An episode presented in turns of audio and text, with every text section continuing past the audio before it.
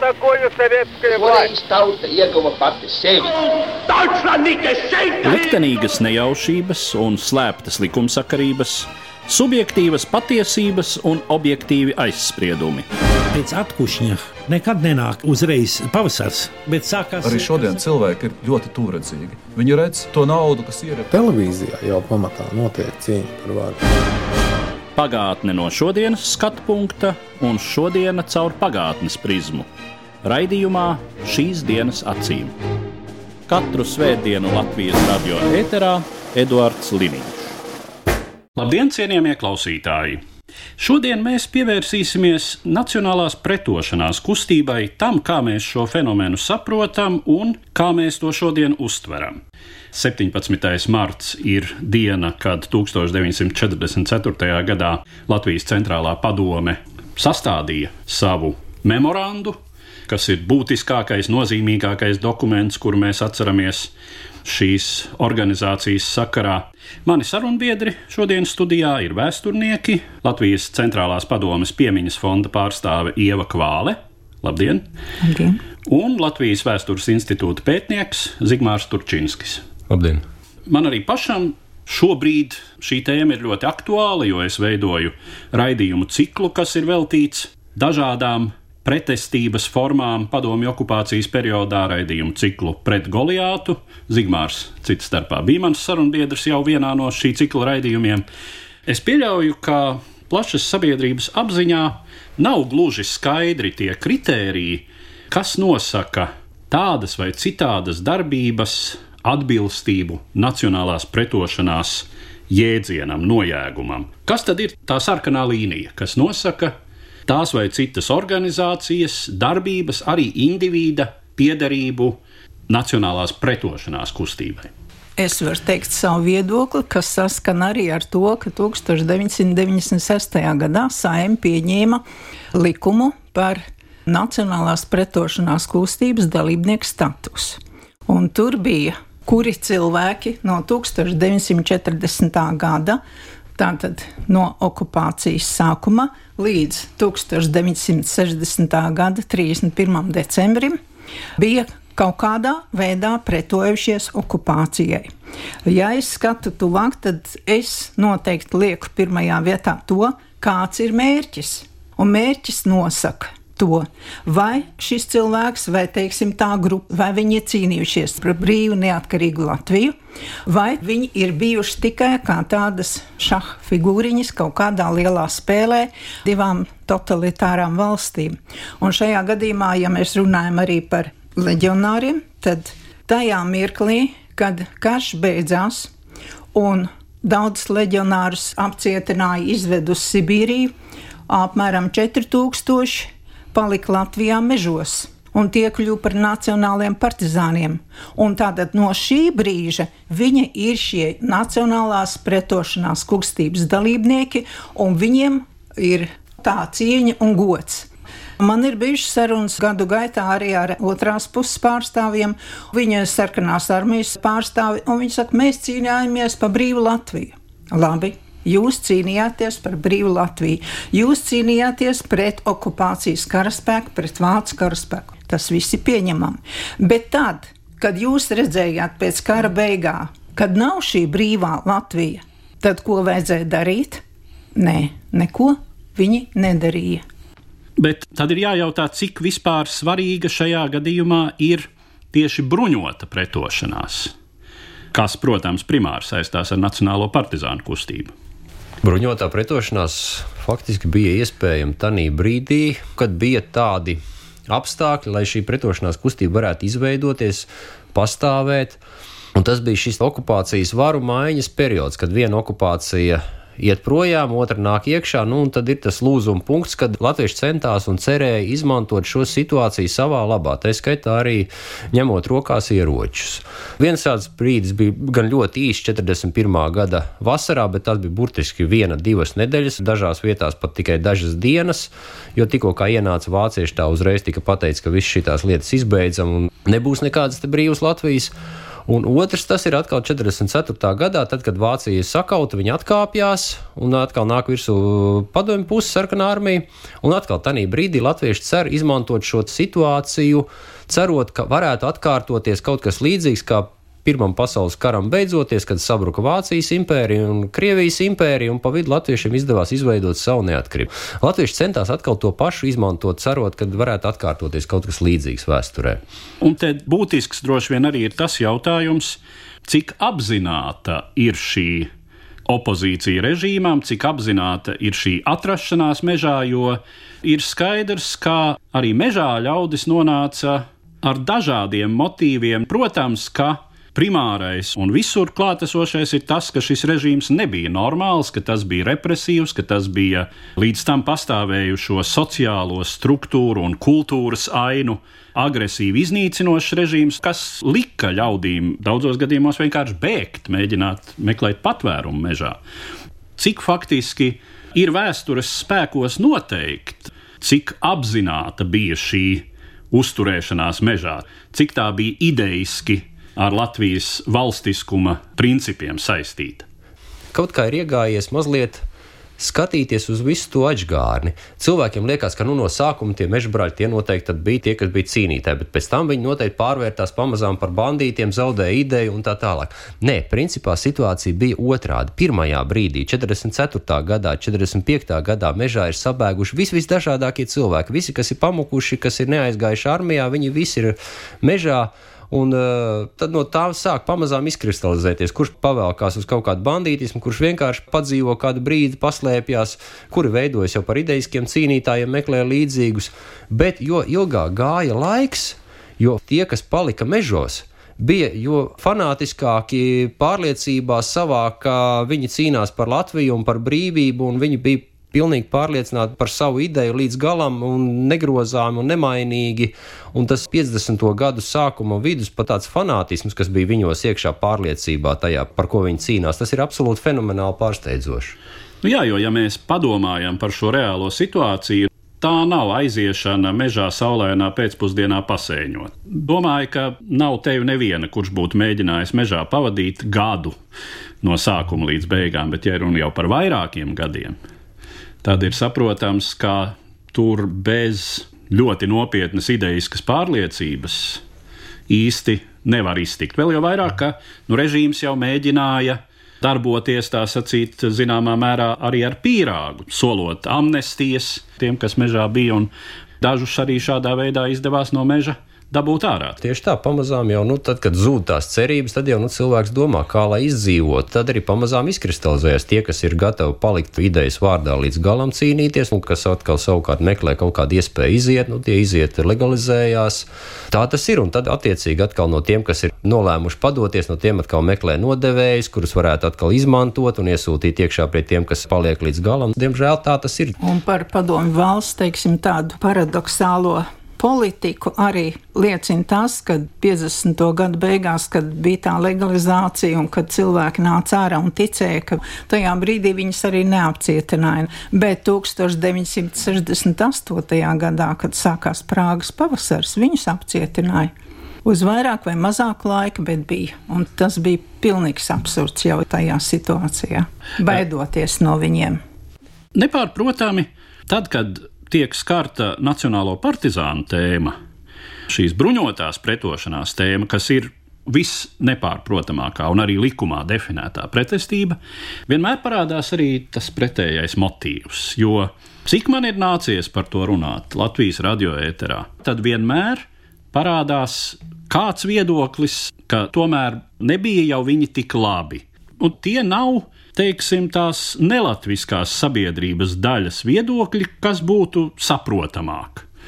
Bet uh, arī latviešu sabiedrības daļā ir joprojām šie mīti un ieskati par to, ka lūk, drīzāk bandīti nekā cīnītāji. Nu, pirmkārt, jau padomju okupācija bija ļoti ilga, tā bija 50 gadus apmēram.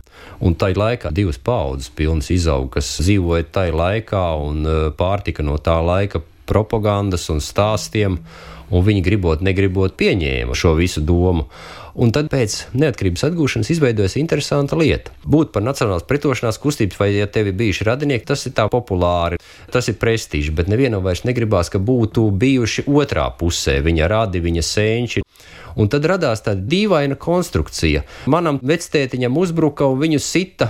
Viņu jau nesit tāpēc, ka viņš ir tavs labais vectētiņš vai tētis, tāpēc, ka tajā laikā viņš bija kolaborants, kurš ar ieroci rokās darīja pret meža brāļiem, izsūtīja cilvēkus, kaimiņus arestēt. To negribās cilvēkiem vairs dzirdēt un atcerēties. Visas šīs partizāņu grupas, kas bija, viņas jau bija nelegālas, viņām nebija pilnīgi vienota kaut kāda ļoti harizmātiska vadītāja, kas noteikti viņiem bija katrai grupai atsevišķi savi statūti bez maz un savi mērķi, bet cilvēki dažādi. Un arī šobrīd mēs esam dažādi.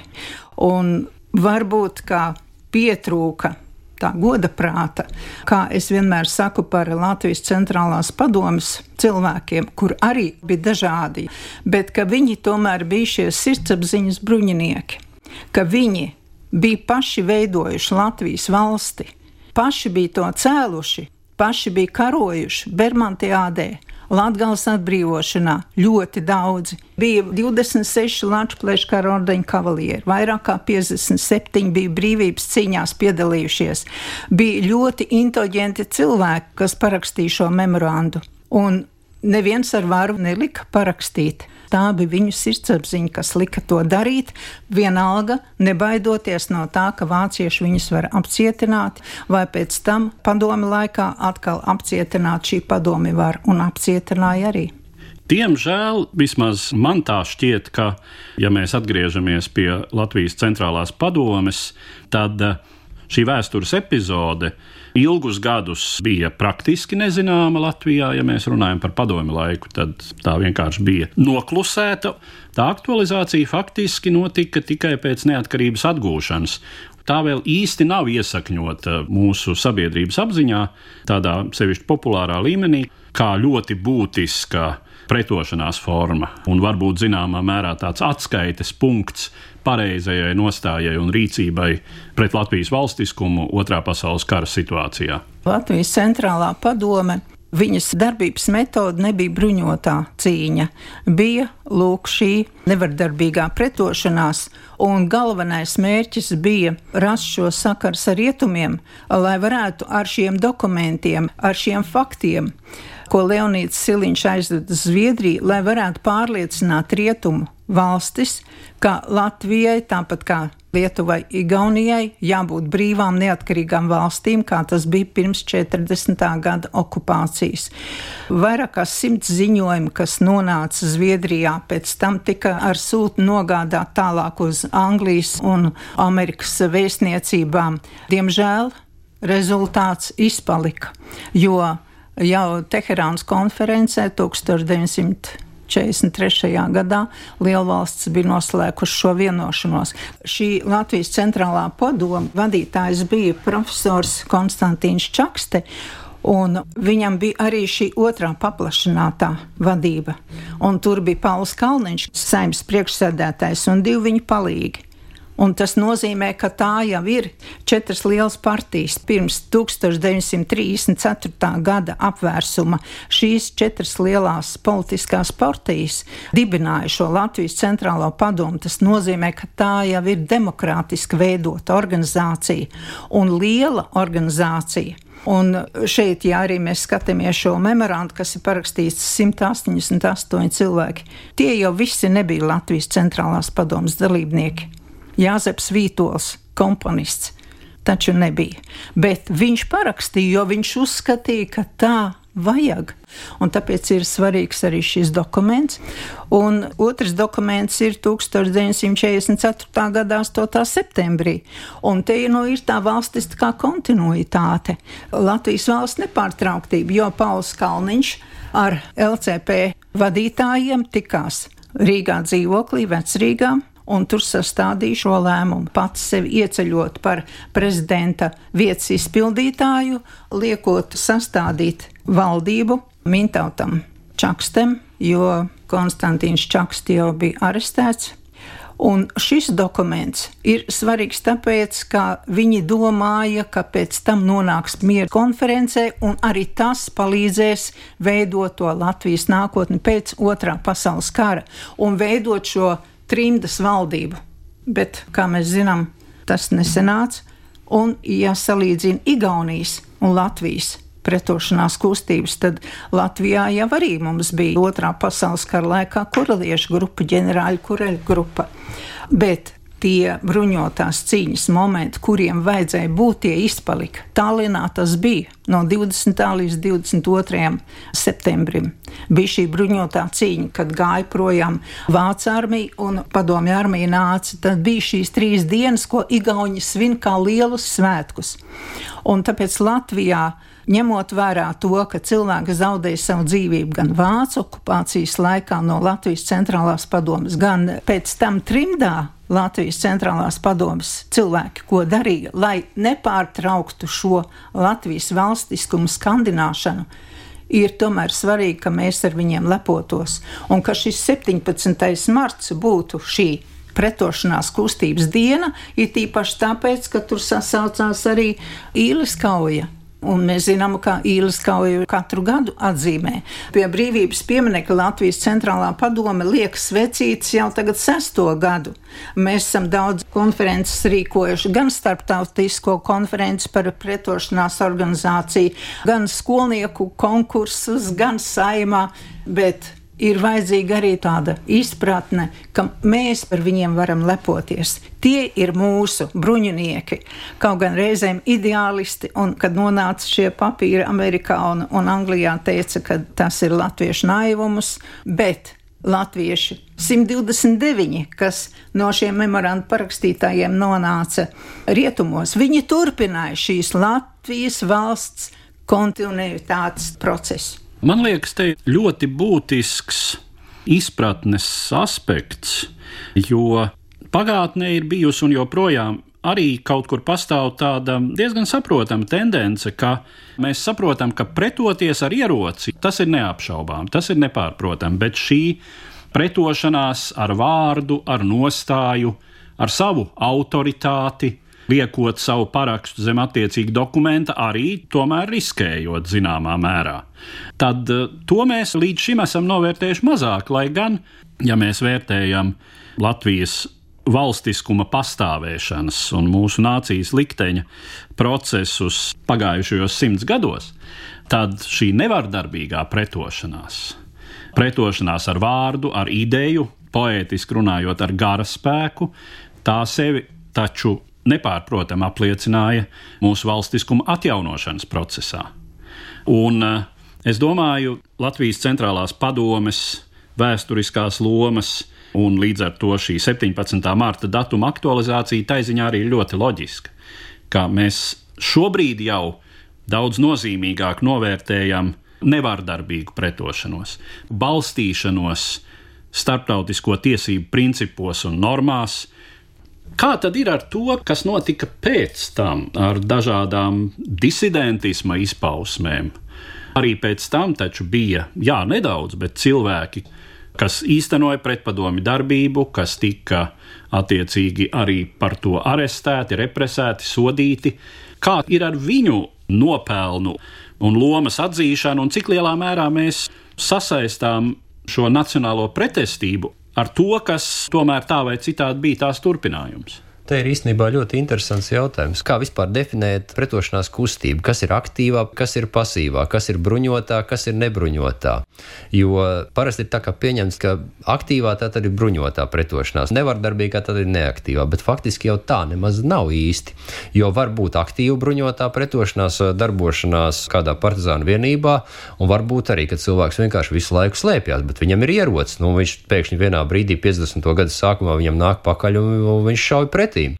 Tā ir bruņota pretošanās, bet tā nav aktīva. Tā ir pasīva. Principā viņš vienkārši visu laiku slēpjas, bet izmantojas to ieroci. Nu, tāpat arī Nebruņotā, nevardarbīgā pretošanās, varbūt aktīva pretošanās, kad uh, izgatavo lapiņas un uh, karina karogus un uzsaukumus un aktīvi darbojās, pretdarbojas. Un var viņa būt arī tāda, ka cilvēki satiekās, aprunājās un uh, pauž viens otram savu viedokli tuvāko vidū. Tā kā tas ir ļoti interesants jautājums, kā definēt, kas ir aktīva, kas ir pasīva. Tāpēc, ka padomju valsts centās uztaisīt par ienaidniekiem ļoti daudzus, piemēram, franču grupa, kas vienkārši sanāca kopā un lasīja franču dzēju un grāmatas un tikās. Un šajā sakarā jāpiemina Elza Stērste dzēniece, kas tika no franču grupas arī izsūtīta, un viņi ir memoranda parakstītāji. Un interesanti, ka mēs lasām kriminālu lietu, tad ne vārdu mēs neatrodam, ka viņi ir memoranda parakstītāji, jo, lūk, čekistiem jau nebija šī dokumenta, kur bija visi memoranda parakstītāji. Viņi bija tikai par šo franču grupu arestēti, bet vai tā bija pretpadomu grupa? Šobrīd, protams, mēs viņu varam ieskaitīt kā pretošanās kustības sastāvdaļu šo franču grupu. Ja mēs definējam pretošanās kustību kā nu, vai aktīvu vai neaktīvu, nu, viņi principā bija neaktīvi, bet viņi tikās, lai varētu savā starpā brīvi parunāties par tēmām, kas bija padomju valstī aizliegtas vai vismaz nevēlamas. Tas ir tā definīcija, kurā brīdī beidzas petošanās kustība kā kustība, un kurā brīdī tā ir nu, tāda iekšēja darbība, faktiski garīga pretošanās. Šīs metodas ir dažādas. Tā tad ir šī bruņotā cīņa, ir šī nevardarbīgā. Un, garīgā, teiksim, jā, garīgā, nu, principā, jā, jā, praktiski tas tā arī ir jau, jo 70. un 80. gados ļoti populārs ir visādas dzejas dienas. Cilvēki lasa dzeju un mēģina salasīt starp rindiņām, reizēm pat to, kas varbūt nemaz tam dzējniekam pašam nav nācies prātā. Tā ir tāda garīgā pretošanās. Un tas ir patiešām vēl pētāms un ļoti rūpīgi analizējams jautājums, un visdrīzāk, ka tā atbilde nekad nebūs pilnīgi nepārprotama. Sevišķi šīm desmitgadēm, 60. un 70. gada, 80. gada pirmā puse, un šai ziņā 1960. gads visdrīzāk ir noteikta robeža šķirtne, kad eh, no vienas puses tīra disidentisma izpausme ir ļoti maz, bet no otras puses pastāv šī pelēkā zona Man pašam ir pieredze viena saruna jau pirms daudziem, daudziem gadiem, 90. gadu otrajā pusē, kad eh, ar pāris cilvēkiem no rietumvalstīm, teātris darbiniekiem, kuri īsti nevarēja uztvert to, ka izrāde, kas tiek iestudēta padomju valsts teātrī, kur uztur padomju vara, kur visi amatos esošie visdrīzāk ir kompartijas biedri. Kā tas tomēr var būt, ka to var uztvert kā disidentisma izpausmi? Tas ir ļoti grūti uztverams sevišķi ļaudīm, kuru pieredzē nav 50 gadu okupācijas, nav nepieciešamības piedzimt, uzaugt un varbūt jau sākt novecot šajā režīmā un neko citu nepieredzēt. Un uh, Te ir viss šis jautājumu un attieksmju spektrs, kur tomēr būtiskais laikam ir tas, ka ja tā visa nebūtu, tad diezin vai Latvijas sabiedrībā būtu šis potenciāls valstiskuma atjaunošanai 90. gadu sākumā. Un īstenībā tajā brīdī, kad pretošanās no aktīvas un reālas kļuva par šādu garīgu, radās problēmas arī padomju drošības dienestam, kā šo pretošanos apkarot. Un tāpēc 67. gadā tika radīta KGB 5. daļa cīņa ar ideoloģisko diversiju, un zem tā viņi mēģināja palikt apakšā visu šito un noķert visas šīs tendences dažādās, kuras it kā nevarēja noformulēt kā tieši pretošanos. Šajā laikā tomēr latviešiem 60. gados ļoti daudz atjaunojās saites ar rietumiem. Tā tad bija šīs vēstules vairāk, un bija slepeni, kad šīs iedziedātās dziesmas kasetes, kas tomēr uzturēja ticību, un kas arī palīdzēja, ka ārzemēs tomēr šie cilvēki visu laiku nepārtraukti. Pie tam 1960. gadā arī šie LCP pārstāvi rakstīja Džonam Kenedijam, ASV prezidentam vēstuli, skaidrojot Baltijas likteni un šo okupāciju. Tāpat daudz citi gan pie pāvesta gāja, gan visur. Un grib pieminēt arī tādu senatoru Augustu Trumpēteru, kas bija parakstījis šo memorandu. Viņš Ņujorkā dzīvoja, Un tad, kad 1973. gadā Helsinkos konferencē Pasaules Brīvā Latviešu apvienība un Uldis Grava iesniedza šo memorandu, kas atkal bija šī cīņa par Latvijas neatkarības atjaunošanu, un šo memorandu palīdzējis bija sastādīt Augusts Rumpēters. Tā kā šī saikne arī no rietumiem visu laiku bija, kas neatlaidās. Jā, un viena gandrīz vai tāda regulāra, ar ko padomju varēja bija problēmas eh, izpausme, kas bija tāda nevardarbība, garīgā pretošanās, bija svecīšu svētkos.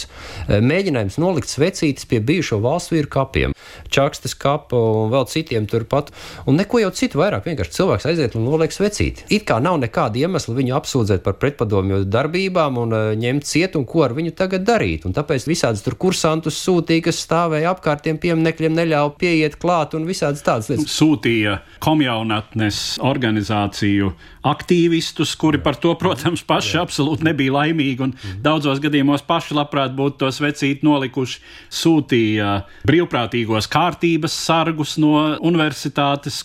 Universitātē bija brīvprātīgo kārtības sargu vienība. Sūtīja tos pie čakstes ar fotoaparātu reizēm lai fiksē, vai kursa biedri nenāk. Nabaga pasniedzējus sūtīja, lai skatās, vai viņu studenti tur neparādās, un tā tālāk. Jā, un vēl viena lieta ir atkal rietumu raidstacija klausīšanās, kas arī bija ļoti populāra un ļoti masveidīgi izplatīta, un ar ko arī nevarēja nekādā veidā tikt galā. Nu, tad visu laiku laida to zāģi, virsū bija speciāls tās stacijas, kas zāģē, bet es vēl no bērnības atceros, ka mans vecētiņš klausījās Amerikas balsi. Tagad man vēl ausīs skan tas Amerikas balss iesākuma jingls. Šī ir Amerikas balss no Vašingtonas. Raidām ikdienas latviešu valodā ar to amerikāņu akcentu. Pūksteni 6, 17 un 19 jā, jā. pēc Latvijas jā. laika, ja atmiņa man nebija. Jā. Rezumējot mūsu sarunu, 17. marta datums. Vai jūs redzat šim datumam potenciālu kļūt par pretpadomju pretestības piemiņas, atcerēšanās, piesaukšanas dienu? Es domāju, ka jā, jo pirmkārt jau padomju okupācijai tuvojoties viņš tika sastādīts. Un otrkārt, šis uzsaukums mazliet stingrākā tekstā ir nopublicēts LCP izdotajā vienīgā laikraksta vienīgajā numurā Jaunā Latvija. Un tas bija nonācis Pēters Upes rokās, kurš tonī brīdī bija Abrenes apriņķa agronomiskā biroja vadītājs. Un viņš, iedvesmojoties no šī teksta, nolēma piesaistīties pretošanās kustībā un palikt padomju okupētajā aizmugurē, veidot nacionālo partizānu cīņas. Tā kā vistiešākā veidā šis uzsaukums aizgāja tālāk un aizgāja tālāk, kā nacionālajie partizāni viņu uztvēra. Un faktiski ir interesanti, jo no otras puses tas ir 44. gada, 45. gada ziema. Kurzemē darbojas kurelieši, Rubaņa bataljons cīnās novembris, decembris. Viņi arī ir iedvesmojušies no LCP, jo pats Kurels un uh, Upelnieks abi divi viņu vadītāji bija saistīti ar LCP. Protams, viņus nevar uzskatīt par LCP tieši bruņoto vienību, bet viņi bija no viņiem iedvesmojušies un uh, tālāk šīs cīņas aizgāja. Tanī brīdī frontē abās pusēs latvieši cīnās pret abām okupācijām. Rubenieši cīnās pret vāciešiem kurzemē, un uh, savukārt Nacionālajie partizāni Latgalē jau sāk darboties pret padomju okupāciju. Tomēr 1944. gada 8. augusts izmainīja arī Eiropas karti tādā ziņā, ka Somija pārgāja no sadarbības ar Vāciju, noslēdz pamiera ar Padomu Savienību, bet Latvijas centrālajai padomē pirms tam bija sarunas ar Somiem, ka dabūs bruņojumu un ka Latvijā varētu būt šī bruņotā sacelšanās, bruņotā cīņa kaut vai nedēļu. Lai varētu tomēr pierādīt arī pasaulē, ka šī cīņa notiek.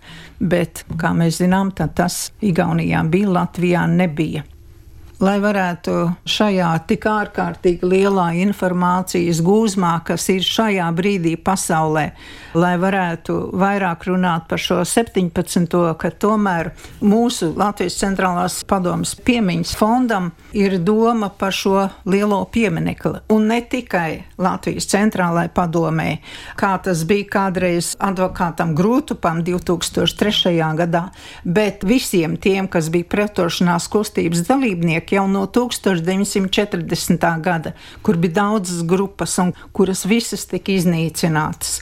Jābūt šim lielam piemineklim, prezidents arī tam piekrīt, un es domāju, ka mēs lēnām, lēnām uz šo lietu iesim, ka būs piemineklis. Ar cerību, ka šīs iniciatīvas turpināsies un attīstīsies, es arī gribētu noslēgt šo mūsu sarunu kas bija veltīta 17. martam, atceres datumam, ar to saistītajiem notikumiem, norisēm, un es saku paldies maniem sarunbiedriem, vēsturniekiem, Ievai Kvālei un Zigmāram Turčinskim. Katru svētdienu Latvijas radio viens par pagātni sarunājas Eduards Liniņš.